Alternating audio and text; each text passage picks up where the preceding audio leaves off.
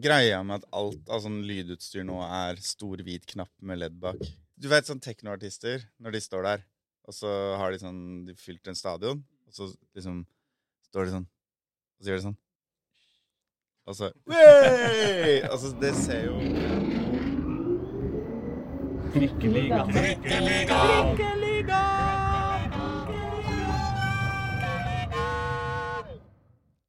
Hei og velkommen til Trikkeligaen sesong 2 episode 7, hvor vi hver eneste uke snakker om Oslo-fotball, gjør vi ikke det, Reidar? Vi snakker om Oslo-fotball, både i, opp og i mente, og det um, skal vi fortsette med i dag. Ja, vi skal det. Eh, egentlig skulle vi jo ha Dag Eilev Fagermo i dag. Dag, Dag Eilif Fagermo har vært klar i ukevis. Han har Yes. bare hatt slitt litt med timeplanen sin. Men akkurat i dag skulle han komme. I dag skulle han komme, da var han veldig klar. Mm. Og så sendte han da en melding i går ettermiddag om at dessverre, dessverre, han måtte be om en liten utsettelse til. Men han kommer, det er budskapet. Ikke sant? Eh, Meldinga kom omtrent samtidig som VG meldte at, uh, at uh, Vålerenga har lagt inn bud på 3 millioner kroner på Tobias Christensen fra Molde. Ja, Så vi, jeg, jeg tenker, tenker sånn på det at han, han rangerte trikkeligaen rett under å legge inn bud på 3 millioner kroner. Ja, sannsynligvis noe der. Ja. For det, det siste jeg snakka med han, så forklarte han at han satt nå til langt på kveld til midnatt nærmest, og så video av forskjellige spillere, aktuelle kandidater, inn til VIF. Så um, han, er, han var slett litt stressa nå. Han, må, han trenger flere folk. Bra. Um, og ja, jeg tror det er en av grunnene til at han da må drøye Trikkeligaen-besøket i et par uker til. Livet. Heldigvis har vi eh, en, en reserve, en eh, vikar, en, eh, en, eh, ja, en, en, en Ole Gunnar Solskjær som kommer inn i det, i det å- 83. minutt. eh, og det er deg, Erling Rostvåg! det er, Jeg er tidenes nødløsning. Eller Yes! noe sånt. Halla! Halla. Eh, Erling Rostvåg er uh, talsmann i VIF-klanen. Det stemmer. Uh, I tillegg til å uh, drive en annen podkast som heter Spillmatic, som du driver sammen med meg. Ja, Så, full disclosure der. ikke sant, vi er venner. Vi har møttes før. Det, det må det være lov.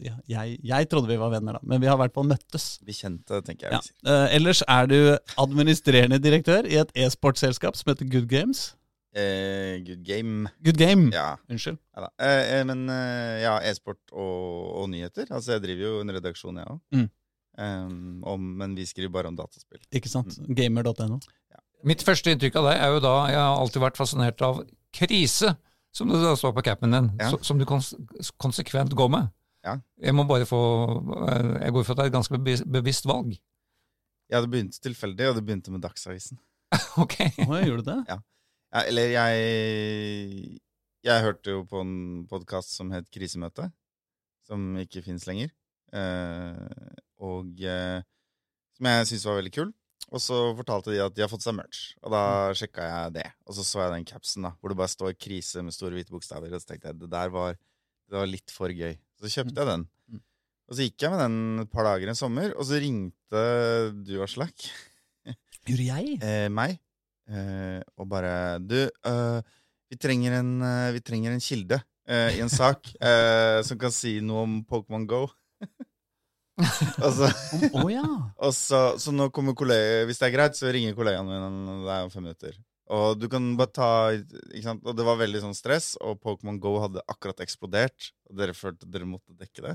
Mm. Eh, og, og jeg kan litt om spill, så da var det liksom nærmeste tilgjengelige. Så da ble jeg møtt av en journalist, da har jeg glemt hvem det var òg. Liksom Jeg kom på Nesoddbåten idet jeg gikk av på Aker Brygge, så bare Så, så sto den der. Mm. Og han tror han gjorde intervjuet på telefonen fra båten først. Og så tok bilder av meg mens jeg gikk over, over gata. Så derfor så fikk jeg en dobbeltside. Med et svært bilde av meg sjøl med den capsen på, midt i Dagsavisa. og så eh, Og så gikk det liksom et par dager, og så ble jeg intervjua på TV 2 eller noe som talsmann i Klam. Eh, og da hadde jeg også litt tilfeldigvis på meg den capsen.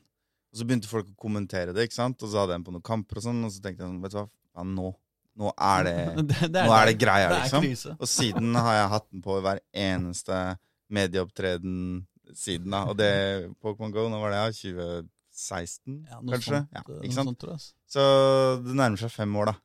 eh, med krisecaps. Det er jo Mm. alltid krise i Vålerenga, så det går bra. Alltid krise i Vålerenga, på jobb eller på hjemmebane. En av de tre. Så det, det, det er alltid dekkende på en eller annen måte. Veldig grei oppsummering. Mm. Ja, jeg syns det er litt interessant, uh, sier noe om situasjonen i Vålerenga om dagen også, at, uh, at uh, treneren er tidligere politiker for Høyre. Og supporterlederen er administrerende direktør. ja. Jeg, Hva skjedde med arbeiderklubben? Liksom? til mitt forsvar så er jeg sikker på at jeg er eh, Oslos dårligst betalte administrerende direktør. ja, det I er hvert fall hvis du tar bort alle folka som kaller seg administrerende direktør i sitt eget enkeltmannsforetak. Ja, Eh, ja. Så, men um, det sier også noe om Vålerenga at folk stadig oftere spør meg når jeg skal ta meg krisekapsen. Ja, ja, det er sant. Mm. For det er ikke det siste året her med, med Dag Eilev uh, Fagermo. Det, det har ikke vært så krisete. Nei, det har jo vært ganske braete. Eller flottete, eller noe sånt. Eh, Så jeg, jeg har en slags mental plan på hva jeg skal gjøre. Mm. Men uh, jeg, vi må jo liksom Det må jo være noe gull før det er vits å ta den av, tenker jeg. Ja, Ja, ja. Det, det, det ble to gull i fjor, da. Ja, jeg vet det, men det Men det holder ikke. jeg, jeg, var, jeg heia mye og, og skulle på kamp og sånn, men det var um, eh, Ble dessverre forhindra en pandemi. Ja. Eh, men eh, det er på en måte I all respekt til damelaget, men de var ikke så jævla relevante i 2016 som de er nå, på en måte. Mm. Det var ikke liksom Det var ikke noe å følge. Det Mm. var ikke engang en stadion å følge dem på. Nei. De spilte vel eh, liksom på en gressbane med tre stoler på den ene sidelinja, liksom, Mm. før Intility. Mm. Så, um, så, så det har på en måte kommet etterpå. Så det er jo det er, hvis- det er et statement til noe, så er det Vålerengas herrelag i fotball. ja, ja, sånn, ja. ja, ja. Eh, men du er fortsatt talsmann. Uh, ja, det er litt sånn opp og ned. Folk sier talsperson, talsmann om hverandre. Mm. Uh, jeg tror vi skriver talsperson på nettsida ja, vår. Dere gjør det? Ja. Men på, på Twitter-profilen din så står det talsmann, skjønner du. Ja, Så det har det eh, stått uendra i Når uh... jeg vet da faen, Ja. seks, sju, åtte år eller noe. Nei, men Ja. jeg mener for klanen har jo de siste åra vært opptatt av eh, det, mye sånn LHGBT-greier. eh, homoflagg, ikke sant. Og Mm. støtta kvinne, damelaget. Og, um, og sånn er det kanskje på tide å pris på Gaygalla, Ikke da klanen ble kåra til årets hetero. Ja. Mm. Ja. Årets hetero. Ja. Det fins et litt flaut YouTube-klipp hvor vi holder en ganske full takketale Nei. Ed, på Edderkoppen scene. Siden sist vi var i studio her, så har det foregått uh, to uh, Vålerenga-kamper også.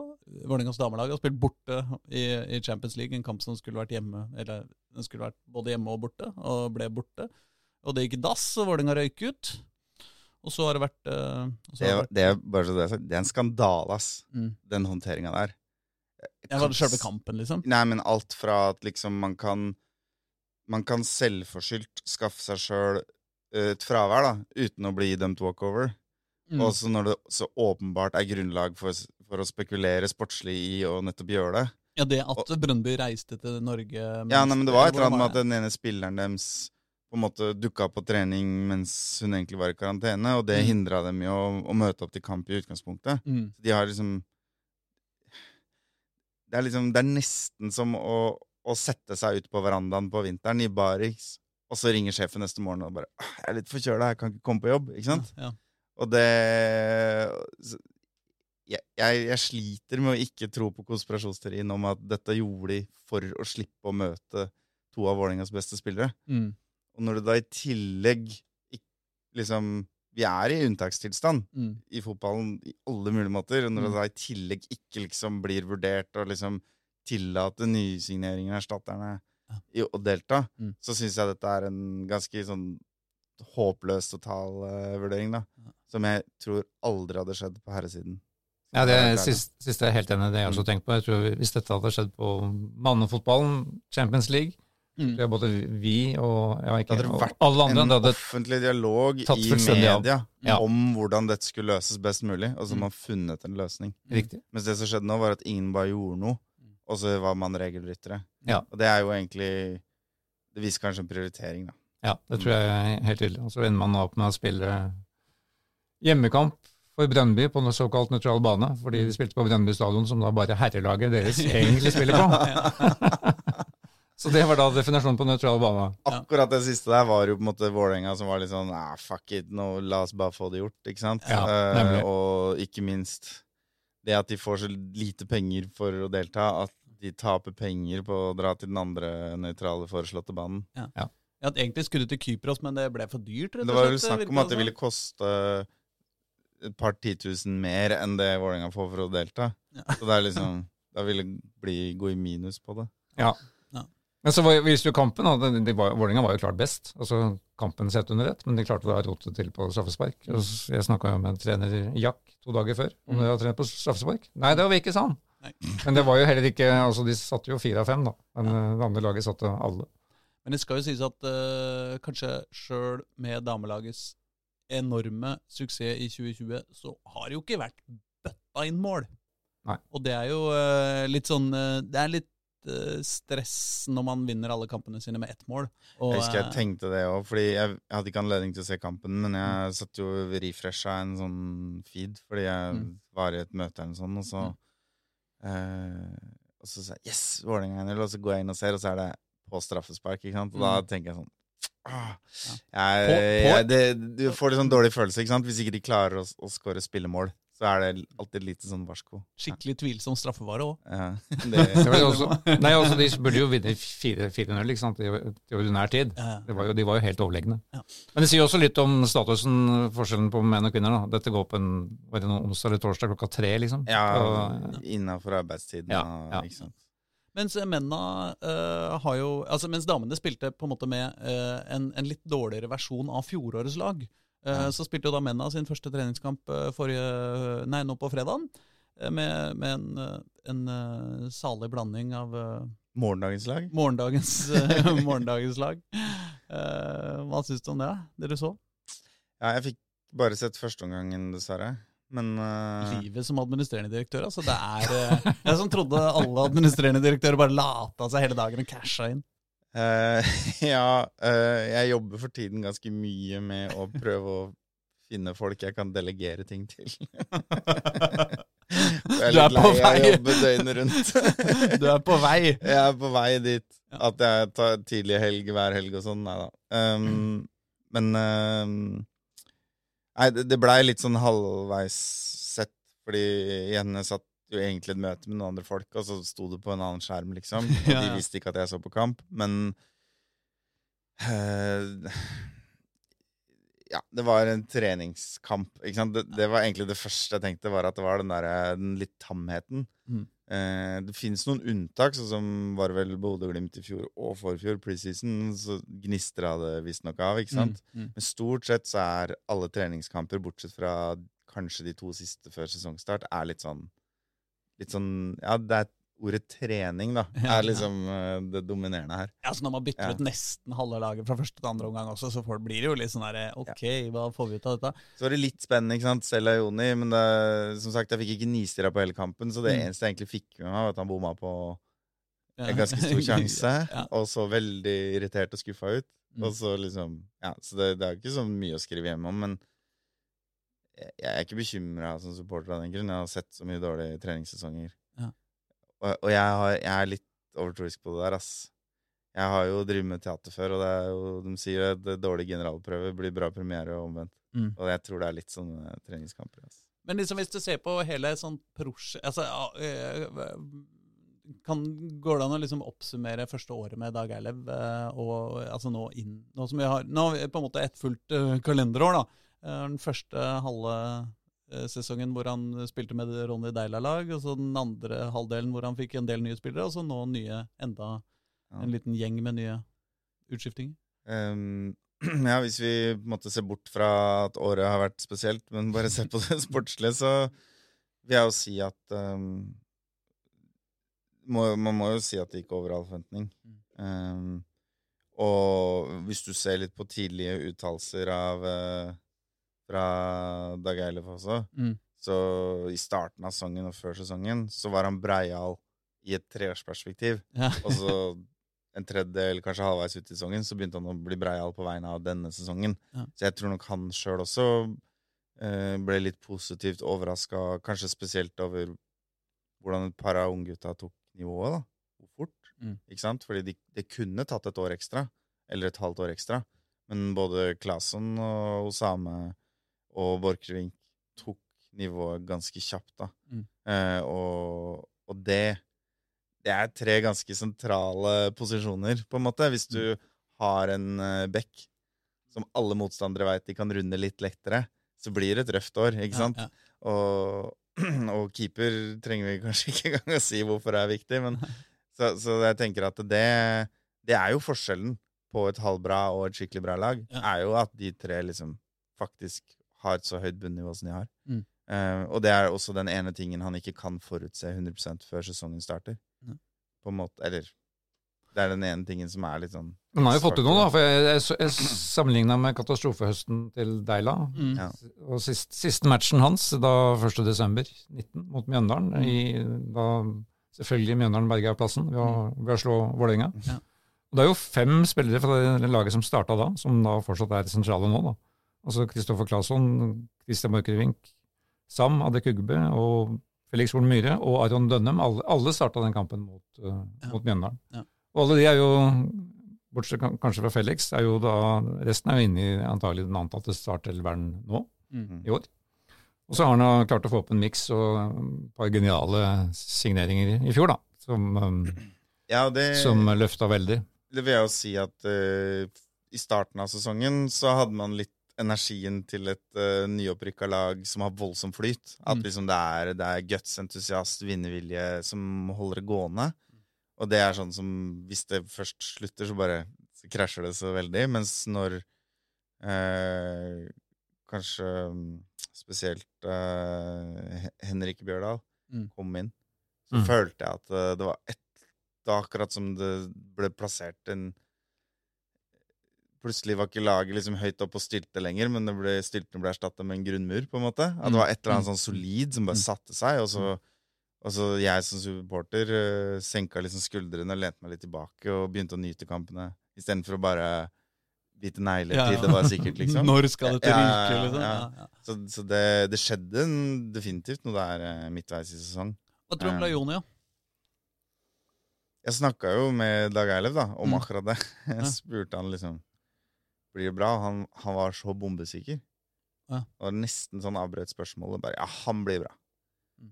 Er, du, er du sikker? Han har liksom vært et år i i en klubb som har prøvd å psykisk mishandle ham. Det, altså, Ja, ja. eh, det er jo mange som kommer tilbake og er litt pjuske etter det. Nei, det, der var han bombesikker. Det var ikke noe å lure på engang. Så vi får se, da. Altså, det, det, det er jo vanskelig å ikke tenke litt på Fiti Masemi. Mm. Eh, eh, spiller som har gjort en supersesong i Norge, reiser ut til utlandet, får en der helt misrar eh, sesong i en, eh, Ja, en jo- lok klubb i en rar liga. Der var det jo noen trenerbytter som ikke likte utlendinger, og noe greier og noe greier som gjorde at Ja. han på en måte bare plutselig var ute i kulda. Sånn fullstendig, ikke sant. Han floppa jo noe så g- magaplasket i Vålerenga. Det er jo ikke til å komme seg unna. Ja, Nei, det var min første assosiasjon òg, faktisk. Mm. Men eh, så derfor var jeg spent. Nå spilte jo han da bare annen gang, da mot Godset. Han, han er jo litt annen spillertype. Han, er jo, han er den raskeste i troppen, Mm. ifølge Dag Eilif. Mm.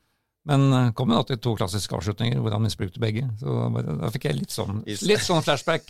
Men Hvis du eh, skal være veldig slem mot Leone, så kan du kalle han en litt treigere Luton Shelton. Men jeg, jeg har trua, altså. Jeg har det. Jeg har innmari stor sympati med sånne spillere, for jeg var en sånn spiller sjøl. Ja. Jeg, jeg, jeg, løp fra alle de andre, men jeg kunne jo ikke behandle ballen. Nei. Eh, så jeg kom jo aleine med keeper sånn gjennomsnittlig en to-tre ganger hver kamp, og scora gjennomsnittlig en to-tre ganger hver sesong. ja. Ja. Men, men, men, men ikke for Bodø-Glimt. Nei, ikke for Bodø-Glimt. uh, men jeg hadde et, uh, en, en vond tid i KFUM. nei da, nei da, det var en fin tid i KFM. Men du, eh, Erling. eh, Jeg har liksom litt lyst til å snakke om VIF-klanen. Når var det du kom inn i styret og stell der, da? I 2000 og et eller annet? Åh, shit. Nå må, jeg, nå må jeg faktisk tenke høyt. Eh, Mm. Men jeg begynte i TIFO-gruppa i 2004. Å ja, det er såpass lenge, ja. Ja, men da var jeg bare som vanlig dugnadsfyr. ja. ja. Eh, og så, på et eller annet punkt, så skulle daværende leder av TIFO-gruppa han ville ikke være leder aleine lenger. Han stable på plass en ledergruppe, så da Mm. satte vi sammen en gjeng på fem. Og da ble jeg liksom spurt om å være med og bestemme litt der. Mm. Det var sikkert i 2006 eller noe sånt. Ja. Tifo-gruppa, det er da basically dere som eh, maler bannere, egentlig? lager, lager alle bannerne, flaggene, Da kom du inn, inn, i den, da kom du inn i den absolutt heiteste tida, da. For dere fikk jo priser, da, både i fire, fem og seks, tror jeg, for beste TIFO Ja, i det var landet. konkurranse der. Nei, det var vel kanskje ikke det.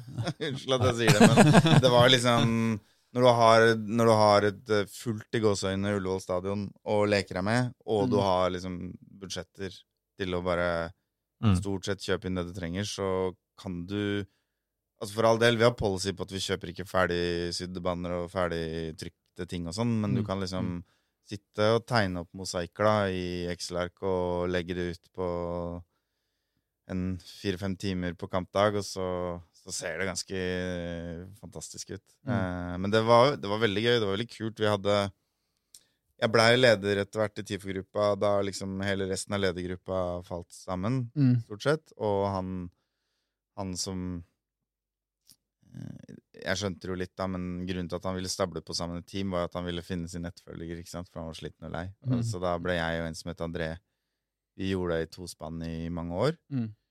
Eh, Med kanskje cupfinalen 2008 da, som et slags høydepunkt for oss. Ja. Um, Var det var det, var det, hva slags ting var det dere lagde da? Hvis det, ja, sånn banner og var det, var det mye moro? nei, hvis jeg skal skryte litt, da, Ja, gjør det. så hadde vi jo Vi hadde åpningskamp mot Ålesund i 2009. Etter å ha tatt cupgull. Mm. Så hadde vi, og det er det dessverre litt få bilder av, men vi hadde jævlig svært banner hvor vi på en måte hadde tatt utgangspunkt i et bilde av Tom Henning og HV som heva pokalen sånn back in the day. Mm. Og så photoshoppa det til sånn to kontrastbilder, så du kunne se hvem det var. Så det bare ble en fyr som jubla veldig med pokal. Mm. Hvor det sto liksom 'feiringa fortsetter'. En svært sånn svart-hvitt person med liksom glødende bluss og sånn i bakgrunnen, og masse jublende hender og sånn over hele Gazasvingen. Mm. Og så samtidig på, på Vestbredden så hadde vi eh, fire bannere, da, eh, hvor det vel sto 1965 først. Mm. Og så kutta vi tau og flippa bannere, sånn at det slo alle årstallene Vålerenga hadde tatt eh, Mm. husker ikke om det var seriemesterskap og cupmesterskap, eller om det var medalje. Mm. Men liksom Så vi hadde en TIFO som skifta motiv. Hva blir det, Reidar? 13 ganger? 17 ganger? Jeg husker ikke. Det var veldig, veldig mange ganger. Ja. Og det har jeg aldri sett Mm. på YouTube eller noe sted, liksom. Mm. Så det kan være en verdensrekord, hvis du skjønner. Altså, Den er jeg veldig stolt av. og så lagde vi jo en gang en greie mot Lyn, hvor vi hvor vi lagde, hvis noen husker Mad-bladene De hadde Ja, ja, sånn Mad Fold-ins på Ja. baksida, hvor du hadde et bilde som var sånn voldsomt detaljert. Mm. Så hvis du bretta det langs noen linjer, bretta liksom endene sammen, så ble det et nytt motiv. Mm. Og vi lagde en uh, fold out, da, hvor du hadde et motiv, og så revna tifoen på midten, Mm. og bretta seg ut og ble et nytt bilde. Så da hadde jeg et, um, et svært spøkelse Mm. midt på, og så revna vi tifoen på midten, og så kom Vålerenga kjerke fram med sola som skinner, og så står det 'når sola skinner over enga', og så ble spøkelset ble da bare til skyer ut på siden, liksom. Ah. Den er jeg ganske fornøyd med. Elegant. Ah, Og det er også en sånn Det var en teknisk vanskelig prestasjon, da. ja. Vi hadde som mål at vi hver sesong skulle sette en rekord, eller gjøre noe ingen hadde gjort i Norge før. Mm. Kanskje Norden. Mm. Det er litt kunstneriske kvaliteter i bånn her. Er, man skal ha litt eh, blikk. Um, det hva skal jeg si, vanskeligste er jo å liksom å få en god skisse, da. Du trenger ofte en fyr som kan tegne et motiv til deg, eller noe sånt. Men med en gang du har det i form av et bilde på en datamaskin, så er resten ganske greit. Alle klarer å, å male blått innafor de strekene, liksom. Det er ikke noe vanskeligere enn å fylle Mm. ut barneboka. Så resten er bare logistikk. Ja, Bortsett fra hvis det skal være 50 ganger 100 meter Eller nei, ok, så mye Ja. kanskje ikke, da. Men, Nei, jeg kan godt fortelle måten vi gjør det på. altså, Nei, vi, jeg tror ikke, vi trenger ikke å gå så jævlig dypt inn i det. Ja. Men, Nei, men eh, bare si kjapt, Vi lyser jo med prosjektor på store bannere, Mm. og så tegner vi bare langs strekene. Mm. Og så legger vi på bakken etterpå og maler innafor strekene. Ja. Og det er ikke vanskelig. Nei. Det, det som er imponerende her, er hvor mange timer folk har lagt ned. Ja, for det, man, Om det ikke er vanskelig, så tar det jo tid. Ja, og det er, og, Men ikke sant? Det er jo ikke, Hvor mange timer folk legger ned, er jo ikke lederens fortjeneste, egentlig. Det er jo Nei, nei. alle de andre eller sånn. Det er umulig å gjøre en TIFO-gruppe aleine. Altså Jeg har drevet med litt med tilsvarende ting i sånne demonstrasjonssammenhenger. ikke sant? Lagd, lagd bannere til å gå i demonstrasjonstog. Og det jeg kjenner igjen, er jo eh, den der, der forakten mot de folka som trykker. Så ikke sant, som går til trykkeri Ja, ja, ja. og trykker opp en, Ja, ja. en banner hvor det står liksom eh, hva nå slagordet er, og ikke maler det sjøl. Liksom. Ja, Det er feigt, altså. Det er det, men de, de der òg, de maler jo på en time eller to, liksom. Ja, ja, det ja, ja, Ja, ja, ja. Ja, men det spørs jo. Du kan være litt fancy der òg. Ja, ja selvfølgelig. ja, nei, men eh, Det du egentlig spurte om, var jo når jeg kom i styre og stell. da. Så da var jeg på en måte leder i TIFO-gruppa og hadde litt å si, kanskje. Klanen har alltid vært et gjørokrati. Altså de som gjør noe, har liksom. 50 000 flere stemmer enn de som bare sitter og ikke er med passive medlemmer. Ja. Og så har vært i 2009 eller noe, kanskje. Det ble valgt inn i styret. Jeg husker faktisk ikke helt. Men siden den tida og til altså Sånn jeg husker det Jeg er ganske dårlig på Mm. årstall, altså, må jeg si. Men, eh, men eh, det føles for meg som om dette er en periode hvor på en måte klanen har gått fra å være en veldig sånn enhetlig organisasjon. Man hadde Mm. liksom hele Vestbredden, den store langsida på Ullevål eh, stadion. Eh, alle sang med én stemme, både bokstavelig og i overført betydning. Eh, og så har det, har det vært mye brudd, interne sånn oppdelinger i grupper og Uh, og sånn. uh, liksom, kan du si liksom, Hva skjedde egentlig i det? I det Når gikk egentlig klanen fra å være liksom en stor eh, organisasjon, som framsto egentlig veldig mektig i Vålerenga? Ja. Det, det som er kanskje litt viktig å si, er jo at klanen har aldri, alltid vært en samling av mindre grupperinger. Mm. Men det har ikke sett sånn ut fra utsiden. Mm. Så det viktigste nye som egentlig skjedde først, var jo at noen av disse grupperingene, eller det kom nye grupperinger, da, og de hadde et behov for å ha et eget navn og liksom se ut som en selvstendig gruppering. Mm. Eh, og det tror jeg handler litt om utvikling av ultraskultur, og at man ser liksom på YouTube hva som er vanlig i utlandet og sånn. Det at du har én supportergruppering som ikke bare er kun én gruppering, men som også liksom 60% av publikum på stadion er medlem i, Mm. er jo helt, helt unikt. Mm. I Europa, i hvert fall. Mm. Og sikkert i verden. Altså, det som er vanlig, er jo at supporterne er en stor, men viktig del ytterst i svingen, og resten av stadion er andre folk. Ja, ikke sant? ja. Så det at klanen var i flertall på Ullevål Mm. gjennom flere år, er jo Jeg vet ikke om noen andre klubber som har tilsvarende, da. Mm. Um, og, og internt i klanen da, så var det jo masse små miljøer, men de markedsførte ikke det seg sjøl, ikke sant? Mm. Og det som skjedde Dette skjedde jo egentlig da jeg jobba i TIFO-gruppa, så var Mm. jo på en måte alle som var med å grunnlegge Ikaros og det som het Sirkus, som nå er lagt ned, og, og noen andre grupperinger som var jo med i TIFO-gruppa Ja, i en periode, og har på en måte gått Uh, Det blir litt feil å si ultraskolen, for de har lært masse sjøl og tatt masse inspirasjon utafra klanen også. Mm. Men, men mye av liksom TIFO-greiene og know-how og sånn kommer liksom derfra, da. Mm. Um, For, for, for, altså, Ja. hele ideen om TIFO, mm. å ha en egen eh, gruppe som er TIFO-gruppa, var jo også noe som dukka opp på, på denne tida. Det, Eh, ja, og som er, men handler det litt om engelsk eh, mot italiensk supporterkultur, liksom? Altså der- Klanen fikk jo kritikk i den perioden for å være litt traust i sangvalget, da. Og Mm. at det var litt for få hoppesanger, som de kaller det. Ikke sant? Hvor du må stå og hoppe, og det er høyt tempo og sånn. Mm. Og, det, og det handler jo sikkert litt om hvor um, eh, Hvor klanen henta inspirasjon fra opprinnelig. Mm. Det fins jo sånn der gammelt klipp fra Bislett, hvor blant annet Kjell Grønningen blir intervjua. Mm. Altså legendarisk eh, styremedlem i klanen og Mm. syvende far i huset på Bohemen. Mm. Han eh, det, er, det er to folk i det intervjuet. Det ene er Kjell Grønningen, det andre er Erik Jensen. Som da jobber som vanlig politimann på indre bane. Eirik Jensen. Eirik Jensen. Ja. Altså han i rettssaken. Ja, ja. Ehm, som jobber på vanlig politi, som vanlig politimann på indre bane, og på en måte Mm. gjør sitt beste for å avdramatisere hvor farlige disse supporterne er. ja. Og så er det Kjell Grønningen og co. som snakker om hvorfor de synger. Og de synger Det sjokkerte meg da jeg så det klippet for seg. De synger på engelsk. Ja. Og jeg, helt siden jeg begynte å engasjere meg, altså sånn i 2003 omtrent, Mm. så har det vært en sånn stolthet i at vi skal ikke bruke engelske ord, vi skal ikke bruke italienske ord. Vi skal liksom Ja. Og vi skal gjerne finne kanskje noen gode norske melodier å lage sanger på, og sånn, Mm. sånn at vi har noe unikt, da, noe som er oss, liksom. Mm. Og ikke bare stjele rundt omkring. Mm.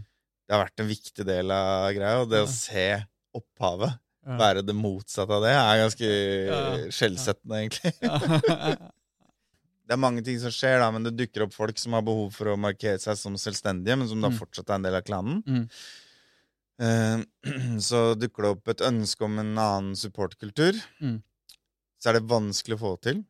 Det er langside generelt det er vanskelig å lage god stemning fra. Klanen klarte det, Mm. men det gjør at det å, å begynne med noe nytt og få spredning er vanskelig når det er faste plasser, og de ildsjelene fra det er få og står spredt.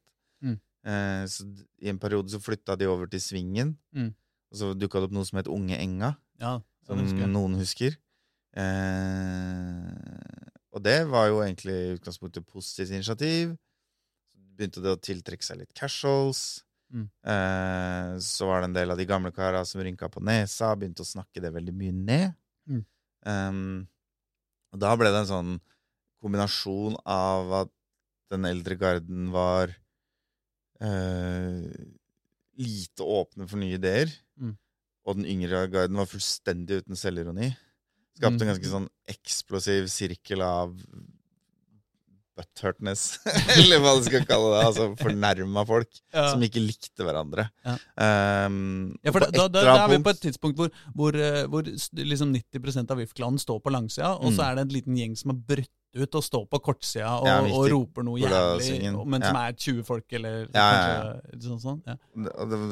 Jeg, har- jeg, jeg bommer alltid når jeg tidfester ting, da. Men la oss si dette er sånn ca. 2006, Mm. kanskje. Mm. Og, det topper seg kanskje når eh, noen i klanen bestemmer seg for å være morsomme, og så lager de en T-skjorte hvor det står 'Onde Enga' på. Oh. og lager sånn der tullete T-skjorte. Det er egentlig en ganske morsom logo og morsom greie. ja. Men de Nei, som ja. ble var i mottakeren av den joken, syntes ikke det var gøy. ja. Eh, og det endte opp med noen trusler og noe greier. Så det var ganske sånn Da, da var liksom splittelsen litt total, da. Eh, men så imploderte vel det Ungenga-greiene litt, til en viss Mm, grad. mm. Og så Men det er jo folk i klanen som sympatiserer med dette også, Mm. ikke sant? Mm. Eh, det bare er store organisasjoner beveger seg sakte. Sånn er det alltid. Ja. Og så er unge folk utålmodige. Sånn er det alltid. Mm. Og det å finne den balansen er liksom nesten umulig. Så jeg tilhørte jo den fløyen som liksom egentlig ville gjøre noe av det de gjorde, men som på en måte ville få med meg klanen på det, istedenfor å starte noe nytt fra bånn av. Ja. Eh, og så etter hvert så flytta jo klanen over i Gaza. Mm. Eh, Kortsida på, Ja. på Ullevål, altså. mm, Mm. Mm. fra Vestbredden til Gaza. Mm. Um, og så var det noen som ble stående på Vestbredden. Mm. Da ble jo det en slags todeling der, Ja. hvor det liksom gamle satte sto igjen. Og, men mesteparten av det som på en måte var toneangivende for hva vi synger, og nye sanger og TIFO og alt sånt, Mm. dro over i svingen, da. Mm. Så kommer disse grupperingene fram, som Mm. for eksempel Ikaros, da, som Mm. er det, de som på en måte er kjent i dag. Mm. Eh, men de er jo da først en del av klanen og bare begynner å male baner til seg sjøl, og da var jeg en av de som så ned på det. Mm. Vi, har alt, vi bruker nesten aldri en TIFO på å hylle klanen. Ja. Vi skal hylle Vålerenga eller rakke ned på motstanderen, liksom. Ja. Så det å liksom male sin egen logo på noe og plastre det utover, det Mm. var veldig fremmed for meg, husker jeg. Mm. Det husker jeg tenkte var sånn ja, sånn egotripp som ikke hadde noe der å gjøre, på en måte. Ja. Ikke sant? Så da kom det et slags neste generasjonsskille, da, kanskje. Mm. Og så var splittelsen total, tror jeg, i 2013, faktisk. Året Vålerenga fyller 100 år. Ja. Da jeg skal, det har jo skjedd 100 ting. Mm. Og en veldig veldig viktig enkeltfaktor til at splittelsen blir større, Mm. og at det kanskje blir rom for mer radikale stemmer. Mm. Og at det kanskje også blir vanskeligere å skille mellom hva skal jeg si, Ikaros, som vi kaller en ren ultrasgruppering, altså Mm. hvor de ser skumle ut, men det de bryr seg om, er sang, tifo, tur. Ja. That's it, ikke sant? Ja, ja. Men skillet mellom dem og de som har utgangspunkt i volden, da, Mm. casuals-grupperingene, Mm. er utydelig for folk flest. Eh, og jo lengre de blir skjøvet ut i kulda, jo lettere blir det for casuals å rekruttere. Jo viktigere blir det å stå sammen for å Mm. være et maktsentrum. Mm. Så det foregår en radikalisering av fotballmiljøet her. Ja.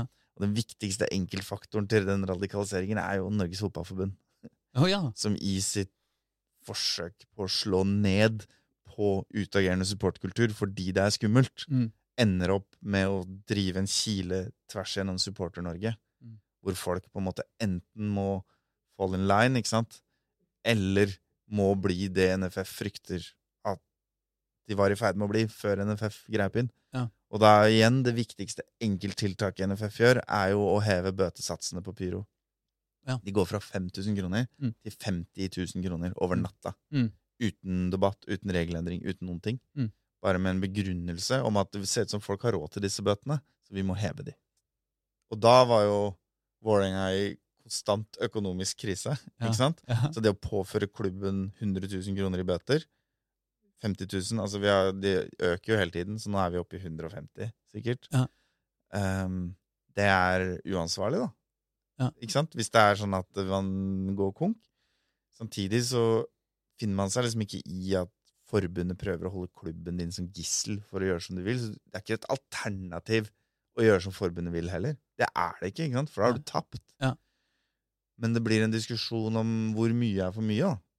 Og da ender det opp med hvor, en situasjon hvor liksom vanlige Vålerenga-supportere på en måte Er motblussing, ja, sant, blir sure på de som blusser, og, og lager at det blir en Og, og mens de av oss som kanskje har litt det derre um, Organisasjonsborettslagsgenet i seg, som alltid ender opp i styrer og prøver å ta litt ansvar og styre ting og sånn. ja. Vi tenker sånn at ah, vi skulle egentlig blussa annenhver kamp, vi, men vi må, vi må nøye oss med to ganger i året, kanskje, da. Ja. Fordi mer enn det blir så mye penger at Ikke sant? Ja, for, og da bare gjør dere en sånn nøktern vurdering av hvor mye har klubben råd til. På en måte. Og så, og så er det litt sånn av og til når vi gjør det organisert, så samler vi jo inn pengene og sånn. Oh, ja. Men det er grenser for hvor mange ganger man klarer å samle inn 100 000, 50 000. Men Men- er det så da sånn at eh, Jeg vet ikke hvem som er eh, daglig leder i Vålerenga på det tidspunktet, her, men jeg kan tenke meg at Pål Brenn? Breen. Pål Breen eh, ringte deg og kjefta mye da, eller? Ja, eller sikkerhetssjefen hans. og så um, Men ikke sant, på andre sida så har du sånn unge, utålmodige folk som vil blusse hver tredje kamp. da. Mm. Og så prøver man å diskutere seg fram til en, en enighet. Mm. Men de gangene man ikke kommer til enighet, og dette er jo en naturlov, da Mm. er det jo de utålmodige som vinner. Mm. Fordi eh, hvis de da bare velger å blusse, Mm. uten å være enige med oss om det Ja. For det første får klanen skylda, fordi klanen har så sterk hva skal jeg si, merkevare, eller hva skal vi kalle det, at alt Ja. som skjer på tribunen, er klanen. Mm. Eh, men for det andre da, så blir det sånn Skal vi da fortsatt gjøre våre to ganger, når de allerede har gjort fire? Ja, ja. Nettopp. Ja. For det er jo uansvarlig, det, da. Mm. I, ikke sant? Så det, og, og det føles jævla ugreit, da. Å bli tredd nedover huet på Altså, man diskuterer noe, man er uenig, og så bare Mm. gjør den andre parten noe. Mm. Og noen ganger når den andre parten gjør noe, så gjøres det på en måte som faktisk ender opp med at du har gjort det, da. Eller at Ja. du på en måte ikke kan gjøre det du hadde tenkt. Men det det her, er, føles jævlig ugreit. her er det en parallell Mm. eh, til sanger. Fordi Ja. det har jo, jeg mener, Da jeg begynte i, eh, å henge på Vålerenga-tribuner, så, var det jo, eh, så var det jo et helt annet sang... Eh, hva skal jeg si, repertoar enn ja. en det er nå. Det var mye, veldig mye morsommere greier, og veldig mye, veldig mye rarere greier. Mm. Eh, men det var også veldig mye kjipere greier. Eh, Ja. Egentlig, da. Altså mye, mye eh, sånn eh, vulgære, ganske kjipe ting om damer, og på en måte var liksom ekstremt guttakultur og, og sånn. Og så er det litt mye av det på som andre religioner, da. ja, ja, ikke sant? Ja, Mm. det, har- det har det også vært. Når du har en eller annen sang da, Ja. som du egentlig har lyst til å fase ut, fordi du liksom tenker det her er, altså, dette er ikke greit å synge lenger, vi må kutte ut de greiene her, så er jo problemet ditt, på samme måte som med bluss, er kanskje, eh, nå bare eh, eh, prosjiserer jeg mine Mm. tanker inn i dine, at liksom i det øyeblikk du begynner å diskutere det veldig høyt, så, så kan man jo bare begynne å synge den Da sangen. begynner jo folk på Så sjøl om bare 5 syns at Mm. den sangen fortsatt er kul, så er det jo klart at hvis man bare begynner, så er det jo ikke så mye man kan gjøre.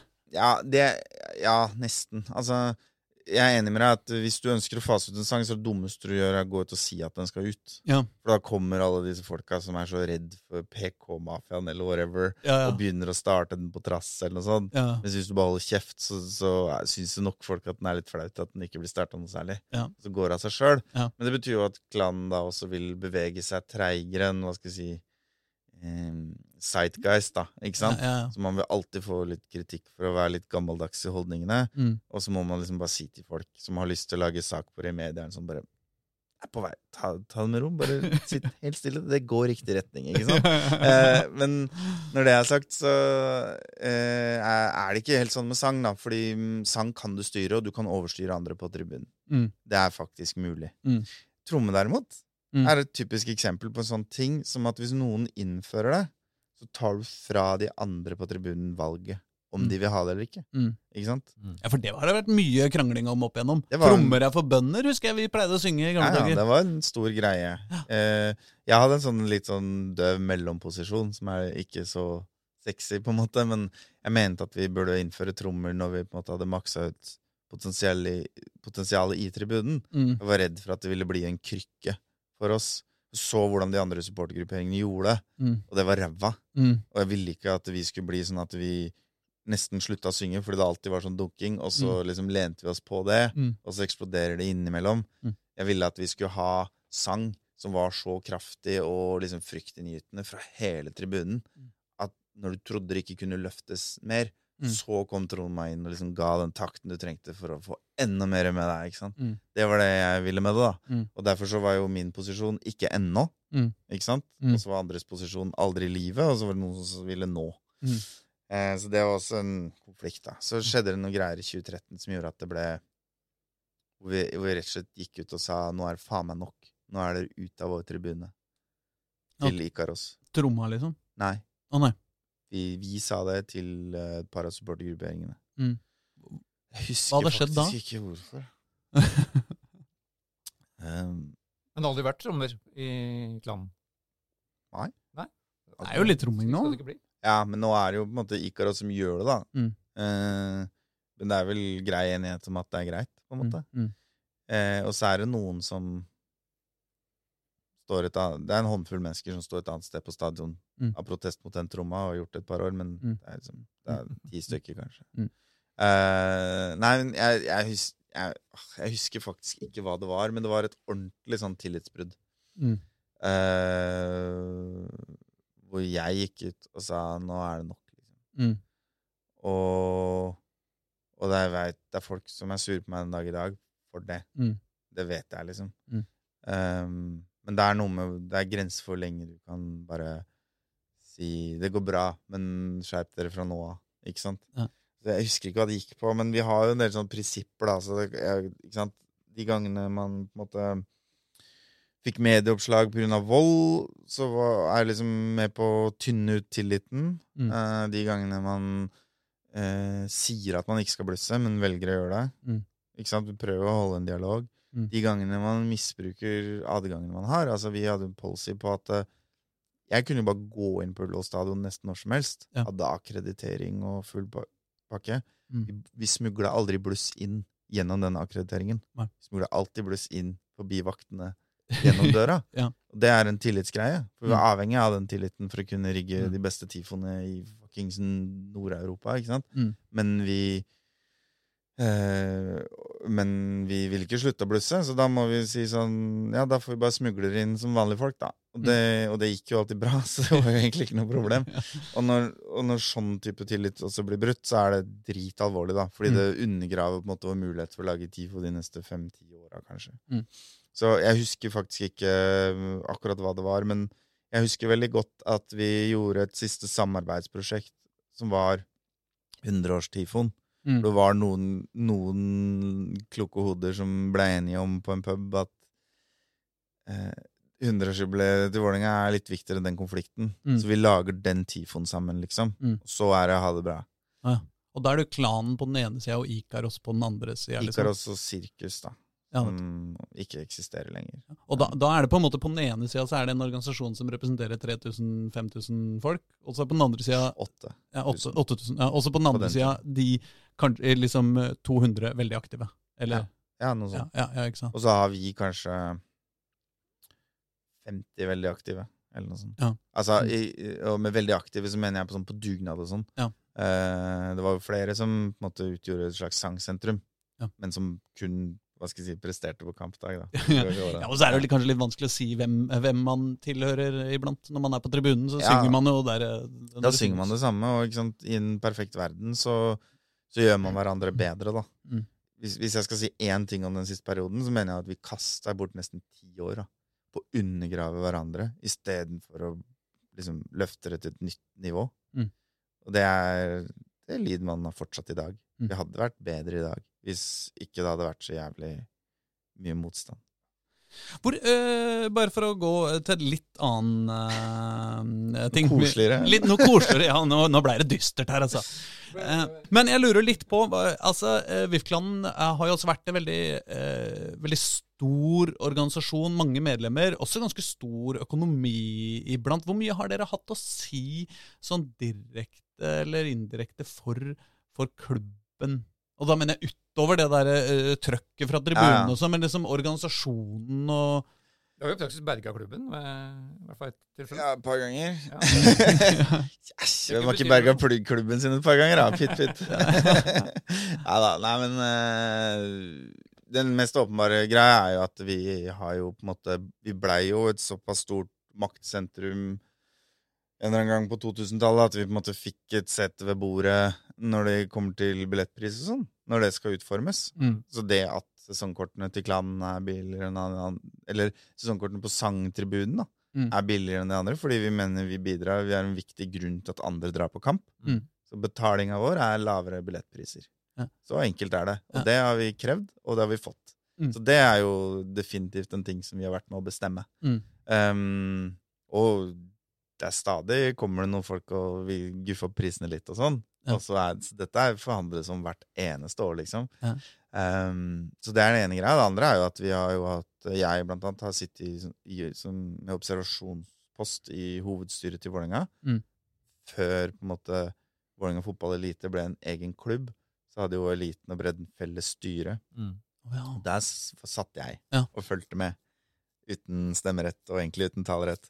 uh, men bare for å liksom skjønne hva som foregikk. Det er vel et uh, møterom som uh, Det er ganske mange som kunne tenke seg å ha en liten bæreflue på veggen er der. mange sportsjournalister, i hvert fall. Og supportere, skulle jeg tro. ja, sikkert. Det er jævlig mange kjedelige, kjedelige møter òg. Ja. Det er mye tall og budsjetter og Excel-ark og sånn. Men det er, jo, det er jo ganske god innsikt i hva som har gått bra, hva som har gått dårlig de siste åra. ja. Altså, du, du, du har fått et inntrykk av hvor, hvor kritisk det har vært, da. ja, det kan du si. Um, Våle- eh, bare for å runde av forrige spørsmål litt, og så har jo Mm. klanen i et par anledninger vært en slags eh, garantist for Vålerenga i forhandlinger mm. med andre, da, blant annet eh, den største hva skal jeg si, investoren der, Tor Olav Trøim. Oh, ja. Så har jo klanen et par anledninger stilt sikkerhet for Vålerengas gjeld til Trøim, sånn at de kan gå inn i forhandlinger med han uten at det er et diktat, hvis du skjønner. Eh, Nei, nei. Dette det her det, det, det, Spol litt hvor, for, for, Her var, var Vålerenga fotball skylder penger til Tor Olav Trøim. Nå er du på et eller annet konkret et tidspunkt i ja. historien. ja. Dette her Dette har skjedd flere ganger. Ok, ikke sant? ja. Vålerenga fotball har sannsynligvis skyldt Tor Olav Trøim penger til hver tid siden 2006. Ja. Lite grann. Enten 1 million eller 35 millioner. Ja. Men poenget er at til hver tid noe gjeld. Ikke Ja, sant? ja, så han har egentlig alltid Vålerenga fotball eh, under liksom eh, Ja, og hvis man skal helen. forhandle med han om noe, da, eh, så betyr jo det at han til enhver tid kan si hvis ikke jeg får som jeg vil, så krever jeg en gjelda, og da går det konk. Ja. Ikke sant? For Vålerenga har Mm. aldri hatt de pengene. mm. Men er det sånn han holder på? Du kan få se en e-post etterpå. så dette har jeg bevis på, liksom. Ja, så det, er- det, er, det er sånn den dag i dag òg? Eh, det vet jeg ikke. Ja, det vet du ikke, Nei, for, da, for nå er det ikke i, i mm, dessverre er så ble vi kasta ut av styret. Ja. Det tror jeg er fordi Torla Trøim ikke ville ha oss der. Men Men var han eh, som regel med på disse møtene? nei. Som, som du var på? Nei. Nei. Fordi han, Og det er jo hele poenget. ikke sant? Han satt jo da i et AS som Mm. hadde en samarbeidsavtale med klubben. Mm. Og klubben var bredden og eliten. Mm. Men som det er i dag, Mm. så er det en breddeklubb og en eliteklubb. Og i eliteklubben så har klubbstyret og AS-styret, AS-et som er samarbeidsavtale med, de har da felles styremøter. Mm. Der sitter Tor Olav. Oh, ja. Ikke sant? For Mm. han er i AS-et. Men uh, til, til, tilbake Ja. til denne, dette, dette utbe... Altså, de uh, Trøim uh, sier til klubben 'gjør som jeg sier'. Hva, hva er det 'gjør som jeg sier'? Er det liksom ok, et Konkret eksempel. I 2009 Mm. så begynte man å forhandle på det som kalles for um, royalty-avtalen. Og samarbeidsavtalen. Mm. Altså avtalen som regulerer forholdet mellom AS-et og Vålerenga som klubb. Mm. Ikke sant? Og I den avtalen så ligger det masse bra ting. Blant annet at hvis eh, AS-et eh, Hvis noen kommer opp i AS-talen og blir solgt og sånn, Mm. så går det litt penger tilbake til bredden som har utvikla talentet. Ja. Slags utdanningskompensasjon, bare med intern Intern, ja. Eller sånn, ja. Mm. En del eh, sånne ting. Eh, det som også er ganske unikt, er at klanen har jo sittet på merkevaren Vålerenga. Fordi Vålerenga prøvde jo å drive supportersjappe. ja. Klarte ikke. Gikk med underskudd. Ville legge det ned. Og så drev klanen det på dugnad isteden, og Ja. fikk det til å bli millionbutikk. Sånn at eh, Det betyr at Vålerenga eh, må jo da spørre klanen om lov for å selge ting med Vålerenga-logo på. Ja, Fordi dette er VIF-sjappa, Mm. som, som eies Som er, eh, delvis av Som eies av klanen. Og he, he, klanen eier hele VIF-sjappa. ja, for dere eier VIF-logoen, kort og godt? Vi, er, vi har rettighetene på den, ja. Men Mm. så er det jo en avtale om Altså Vålerenga eier den også. Mm. Og så er det noe leia Det er noe greier der. Men, men poenget er jo at dette har vært en torn i siden for eliten i den perioden da Pål Breen var sjef, hvor på en måte alle piler pekte oppover økonomisk, og Hafslund ringte hvert år og sa hvor mange millioner mer vil dere ha i år for å være på drakta, liksom. At Mm. det var ikke salg engang. Det var, Mm. det var bare å spenne ut håven, og så ramla det fisk oppi. Da, da så man jo etter Da vil man jo øke alle inntekter, øke, øke, øke. øke og, det, og en av de måte, store store irritasjonene der da, var jo at de ikke kunne på en måte monetisere logoen, da. Ikke sant? Mm. Mens bredden fikk lov å selge kalendere til inntekt for uh, småbarnslaget. Ja, ja. Det prøvde jo eliten å stoppe, da, for de mente at hvis ikke de får lov, så Nei, vi får lov, skal ikke de få lov heller. Hva, hva da de prøvde å stoppe barna som skulle Fra å selge kalendere til inntekt for å dra til Danmark på turnering og sånn. Oi, så raust, da. Ja, ikke sant? Men, men altså, for å oppsummere, da, så var det, det var masse avtaler om om ikke sant, overføringer av penger mellom eliten og ned til bredden. Og, Ja. og Mm. masse gode intensjoner, men avtalen ble aldri fulgt opp. Verken av AS-et eller av Vålerenga. Oh, ja. Så de fikk aldri de penga, liksom? Eh, nei, og så etter hvert så etablerer det seg jo sedvane, ikke sant? Mm. Sånn at overføringene blir liksom mindre og mindre. Og, og, altså, så det man gjør, at man har en avtale på papiret som egentlig er bra nok, og som Mm. varer fra 2004 til 2014. Og så i 2009 så ser man at det, det er jo ikke det her som gjennomføres. Og hvis vi skal sikre at intensjonen i den avtalen måtte videreføres når den går ut i 2014, så begynner man forhandlingene da. Mm. Eh, for å Ja, rett og slett for å eh, sikre at man kan få hva skal si, revitalisert den intensjonen. Kanskje gjøre den juridisk litt mer vanntett, Mm. og, og faktisk holde på For I den perioden så dreiv bredden og eliten og undergravde hverandre økonomisk. og sånn. Altså. Det var liksom, det var ikke samarbeid, det var ikke én klubb. De, Ja. de saboterte hverandre. Og det ser, så du i budsjettene òg, liksom. Eller det gikk Alle tapte jo på det. Mm. Så um, Og da sender Da sier Tor Olav Trøim at um, på et eller annet punkt da, når man er i de forhandlingene, så, så mangler Vålerenga åtte millioner kroner. Dette er i 2009.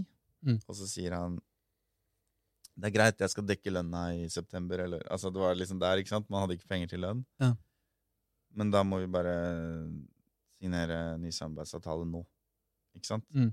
Han ønsker ikke gå inn i en forhandling som forplikter eliten eller AS-et i noe større grad enn de gjør i dag. Mm. Så han vil bare fornye den uten noe mer snakk. Ja.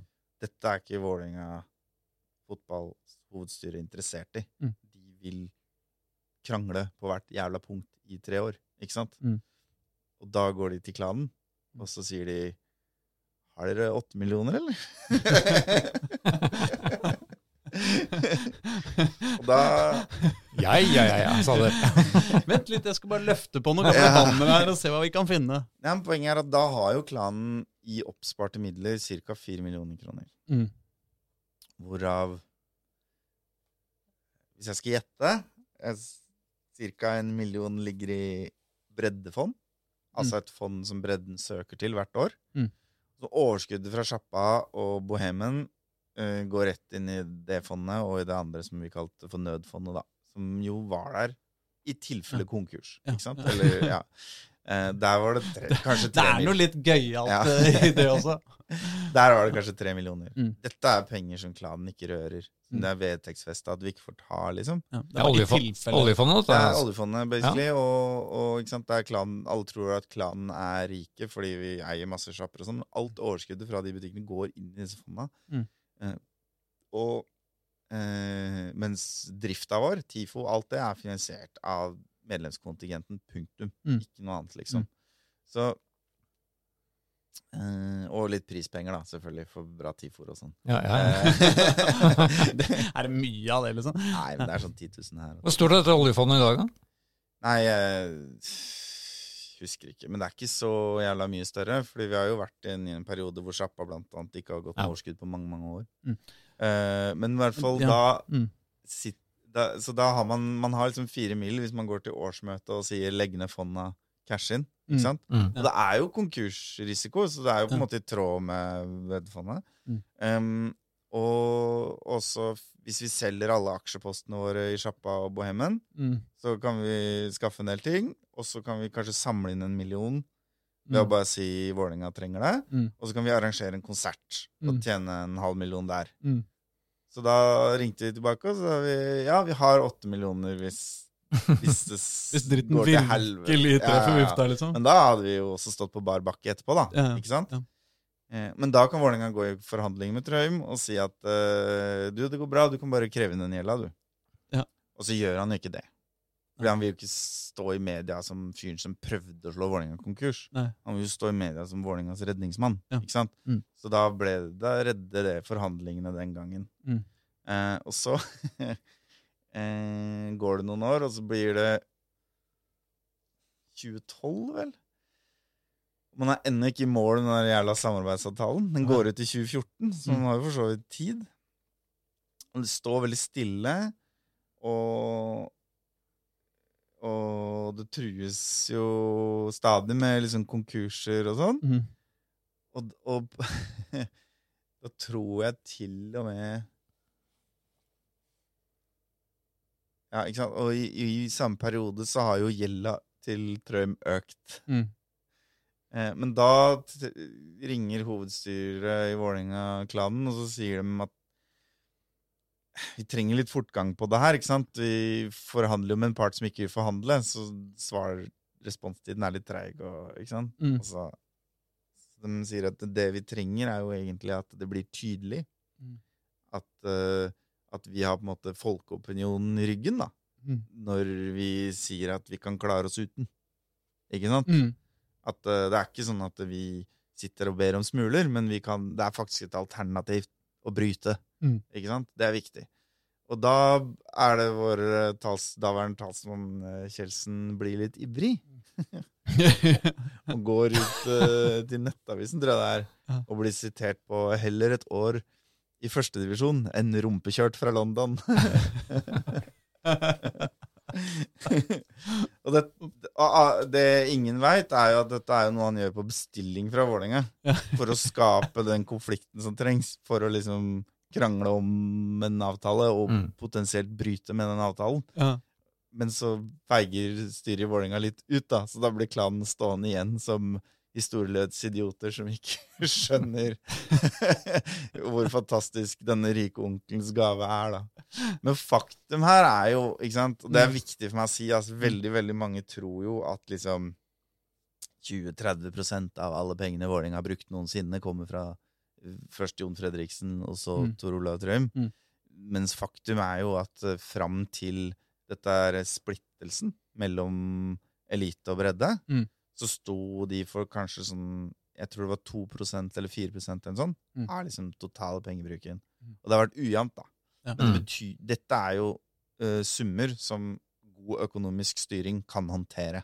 Ikke sant? Ja. Eh, hvis man hadde satt av egenkapital Når jeg satt i hovedstyret der og sa kan dere bare sette av 100 000 fra det 100 millioners budsjettet deres så, i året, sånn at man kanskje har penger hvis, en, hvis man mangler en mill. da. ja. Eh, men det gjorde de ikke, ikke sant? Eh, og, um, eh, og, og, og det som også er viktig å få med, er at mye av dette underskuddet opp igjennom Mm.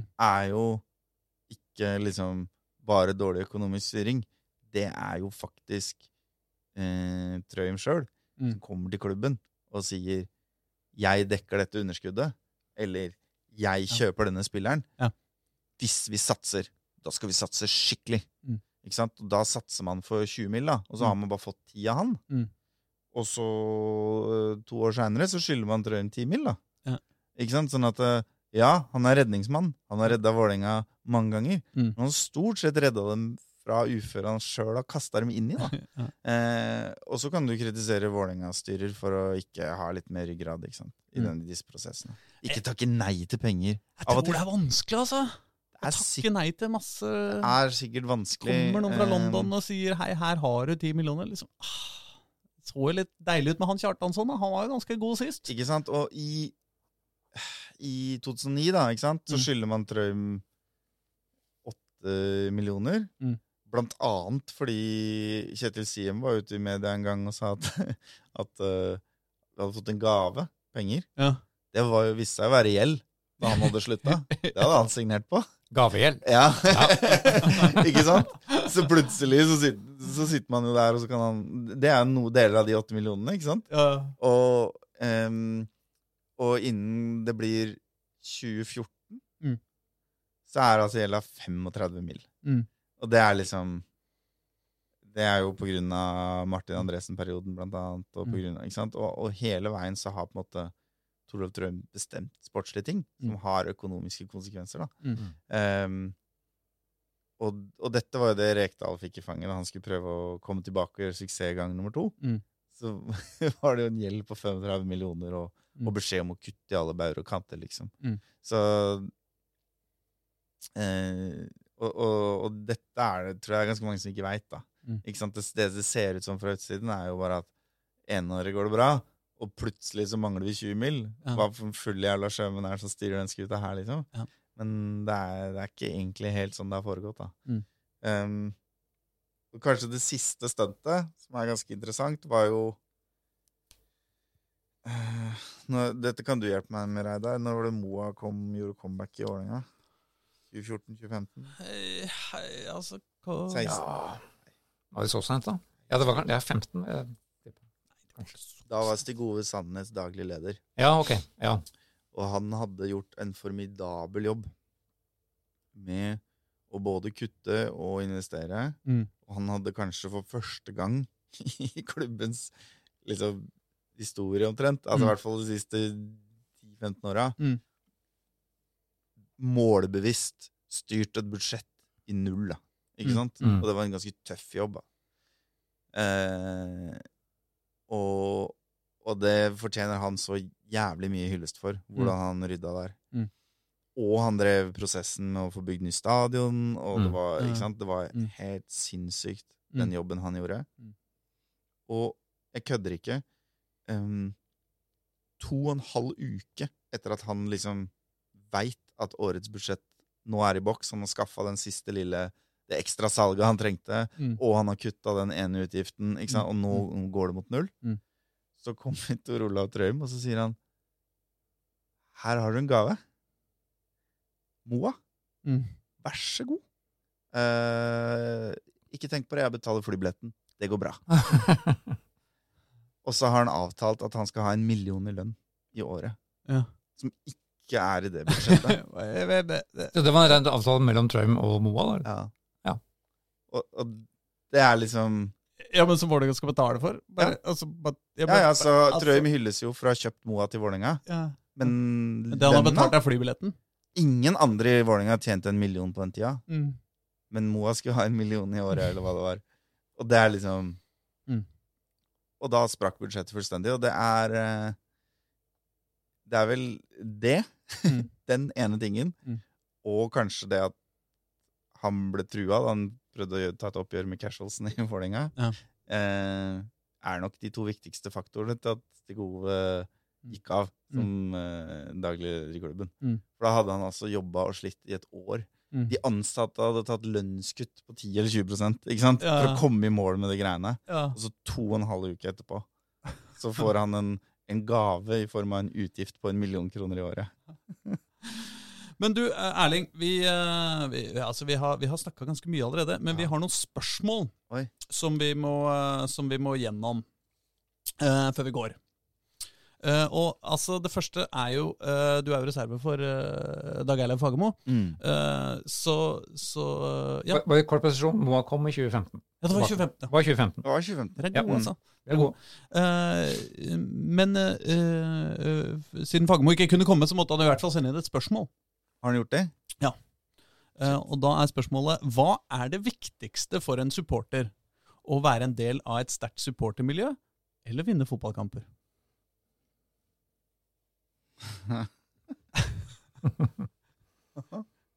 Det er vanskelig, ass. Et Godt spørsmål da, fra sjefen. Eh, jeg bare starter med det mest åpenbare. Det er ikke kvaliteten på fotballen. Mm. Ikke sant? Mm. Det er en misforståelse mange som hva skal jeg si, følger Premier League, har. Mm. Gidder du se på Eliteserien? Det er jo så dårlig fotball. Fullstendig relevant!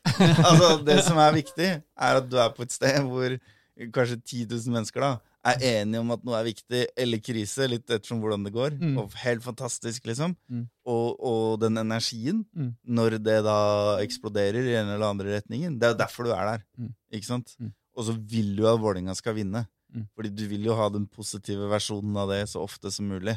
Så det er jo dritviktig. Eh, men det er jo ikke viktig uten at det supportermiljøet er der, da. Mm. Ikke sant? Så det ene Det er kanskje viktigst å vinne kamper, men supportmiljøet er en forutsetning for at det har noe å si å vinne kamper, Mm. på en måte. Nei, men uh, aleine på tribunen og vinne hele tida, eller uh, tape uh, annenhver kamp med masse folk rundt deg, Ja. det er jo lett. Det er jo å tape annenhver kamp med masse folk rundt. Ja. Mm, ja. Eh, Et annet dilemma eh, kommer fra Jonny Normann Olsen. Hvis du måtte velge 24 timers maraton med Among us eller Fall Guys Jeg så, jeg så den. Det Her er vi på faen- dataspill, eh, Det er Ja, overraskende vanskelig. Fordi Among us er et mye morsommere spill, men du blir, du blir ganske sliten i huet etter to timer med sånn derre Jeg tror det var han og sånn detektivarbeid, og 24 timer med det høres helt forferdelig ut. Mm. Så jeg tror kanskje jeg måtte si uh, Fall Guys, da. Syns det høres forferdelig ut, det også. Ja, men, det eh, òg, men det er jo et dilemma, da. Så Ja. det skal jo være et valg mellom to onder. men et mer, kanskje eh, mer relevant dilemma fra samme Jonny Normann Olsen. Ja. Som jeg lurer på altså, Hvilken Oslo-klubb håper du blir den første som rykker opp til Eliteserien? Og hvorfor akkurat den klubben? Ja, jeg unner jo liksom Grorud en plass, på en eller annen måte. Mm. Fordi jeg er østkant og sånn. Mm. Kan hende det er strategisk dumt, da. For da får vi på en måte en slags konkurranse om å eie østkant-greia. Det er litt den ufarlige lillebroren, liksom. ja, ja. Så hvis det er snakk om hvem jeg unner det mest, så er det enten dem eller Skeid, kanskje. Mm. Jeg vet at Skeid er veldig sint på oss, men det går liksom bare én vei. Mm. og, så, eh, og så kan, hvis du skal liksom tenke strategisk, så tror jeg jo norsk fotball liksom hadde gått av et lyn som ligna litt på det det var en gang oppi der. Mm. Men minus den økonomiske dopinga og, Mm. underslag, eller hva det var. Mm. Eh, ja, eller triksing med kontrakter, da. Mm. Det hadde jo sikkert vært bra, for det er klart De derbyene har jo noen av de beste tifoene og beste stemningene sånn, opp igjennom. Mm. Et veldig langt spørsmål som du må greie å svare kort på, eh, kommer fra Espen B. Eh, Han sier eh, om Erling rekker, kan han kanskje sjekke ståa i arbeidet for lovlig pyroteknikk på tribunen? Jeg uh, veit litt lite om det, fordi jeg har ikke jeg har, Det er på en måte sendt videre til noen andre. Men uh, det hevdes at det snakkes om. Jeg syns det går for sakte, og jeg er bekymra for at det ikke stilles harde nok krav fra Norsk Supporterallianse sin side. Mm. Men det kan jo de få lov å svare på om jeg tar feil. Dette er jo et eksempel der jeg ikke har inside info lenger. Mm. Håvard har spurt dør supporterlivet under korona. Jeg tror det hadde vært verre hvis det var litt sånn halvveis. Hvis vi hadde liksom vært alle på kamp, eller en tredjedel på kamp en uke, og så neste uke så får du ikke lov. Litt sånn Mm. som det er å styre pub i Oslo om dagen. Ikke Mm. sant? At uh, 'Nå kan dere åpne.' 'Nei, nå er det stengt.' Nå kan dere åpne. Nei, det tror jeg hadde vært mye verre Ja. enn 'Nå har dere pause', Mm. og la oss begynne å planlegge hvordan vi skal eksplodere når vi Mm. kommer inn igjen, liksom. Mm. Så sånn sett så er det, kunne det vært verre. Men uh, jeg, jeg tror vi tåler dette året, på en måte. Mm. Og kanskje fram til høsten, da. Mm. Før det liksom blir noe skikkelig. Mm. Men eh, det er jo grenser for hvor lenge man kan endre vanene til folk. Uten Mm. at det får en eller annen konsekvens for hva de faktisk foretar seg. Mm. Så det er jo dritfarlig for supporterlivet hvis, hvis dette hadde strekt ut i tre år til, da, for eksempel. Så tipper Mm. jeg det meste hadde daua, altså.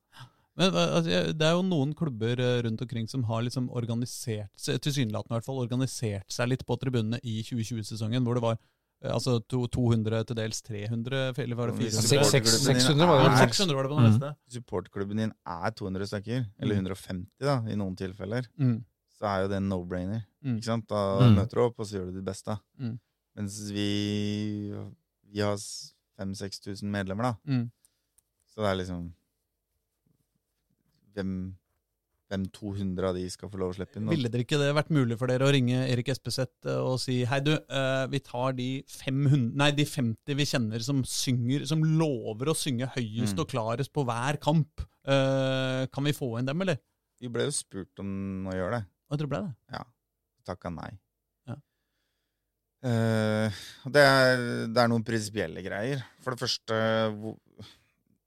Vi skal være for alle våre medlemmer. Mm. Så er det ikke tvil om at vi prioriterer de medlemmene som er stående syngende supportere, fordi det er kjernevirksomheten vår. Mm. Ikke sant? Så, så er det sånn at det liksom Han sa kjernevirksomhet.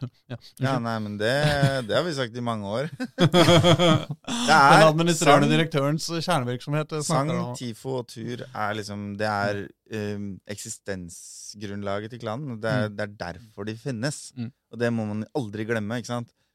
Uh, man blir jo gjerne anklaga for å liksom være mer business enn tribune. Og, ikke sant? Så, Mm, mm. og det er ikke noe gærent i å drive pub, Mm. så lenge det ikke går på bekostning av å drive tribune. ikke Mm, sant? mm. Fordi det er derfor man er der. Det er det som er begrunnelsen for å eksistere. Og eh, Hva var spørsmålet igjen? Nei, jeg, tror du, jeg tror du har svart på det. Ja. Du har svart på det meget grundig. Nei, men hva, hva, hva skjer den første, den første kampen, da? Er det, er det noe er det, Får man til å liksom Jeg føler at Vålerenga er sånn, sånn lag som har en eh, tendens til å liksom alltid lage katastrofe av de største anledningene. Ja, sånn, ja.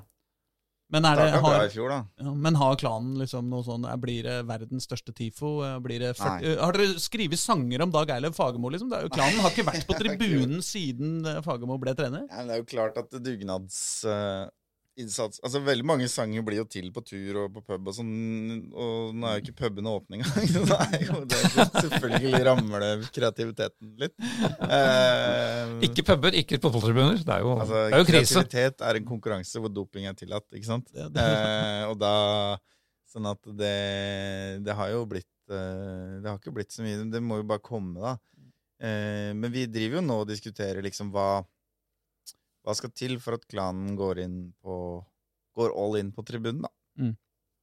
Og der det ligger an nå, uten at det vi må kunne arresteres på om vi ender opp med noe annet, for det er en levende diskusjon i styret. Mm. Så tipper jeg at vi ender opp med at hvis vi kan være på supportertribunen, Mm.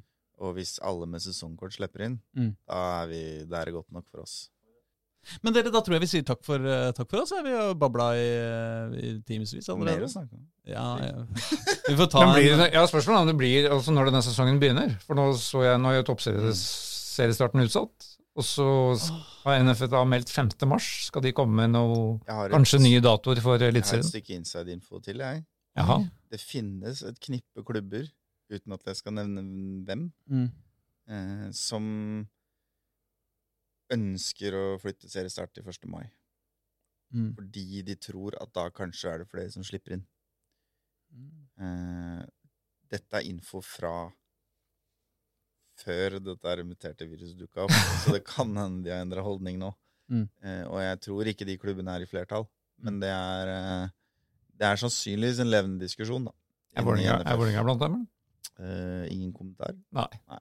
Sånn skal det låte. Informasjonen jeg har, kommer fra Vålerenga, fordi de lurte på hva vi tenkte om det. Uh, men uh, jeg gidder ikke å si hvilke klubber det er, for det tror jeg er et slags tillitsbrudd. Og det driver vi ikke med. Nei, Nei, Overhodet ikke. Nei, nei, nei. nei. nei men uh, takk for at du kom, ass. bare hyggelig. Veldig spennende å høre. Ha det. Godt. Ha det. Ha det. Si ha det, du òg, da. Ha det, ha det, ha det. Ha det. Ha det, ass.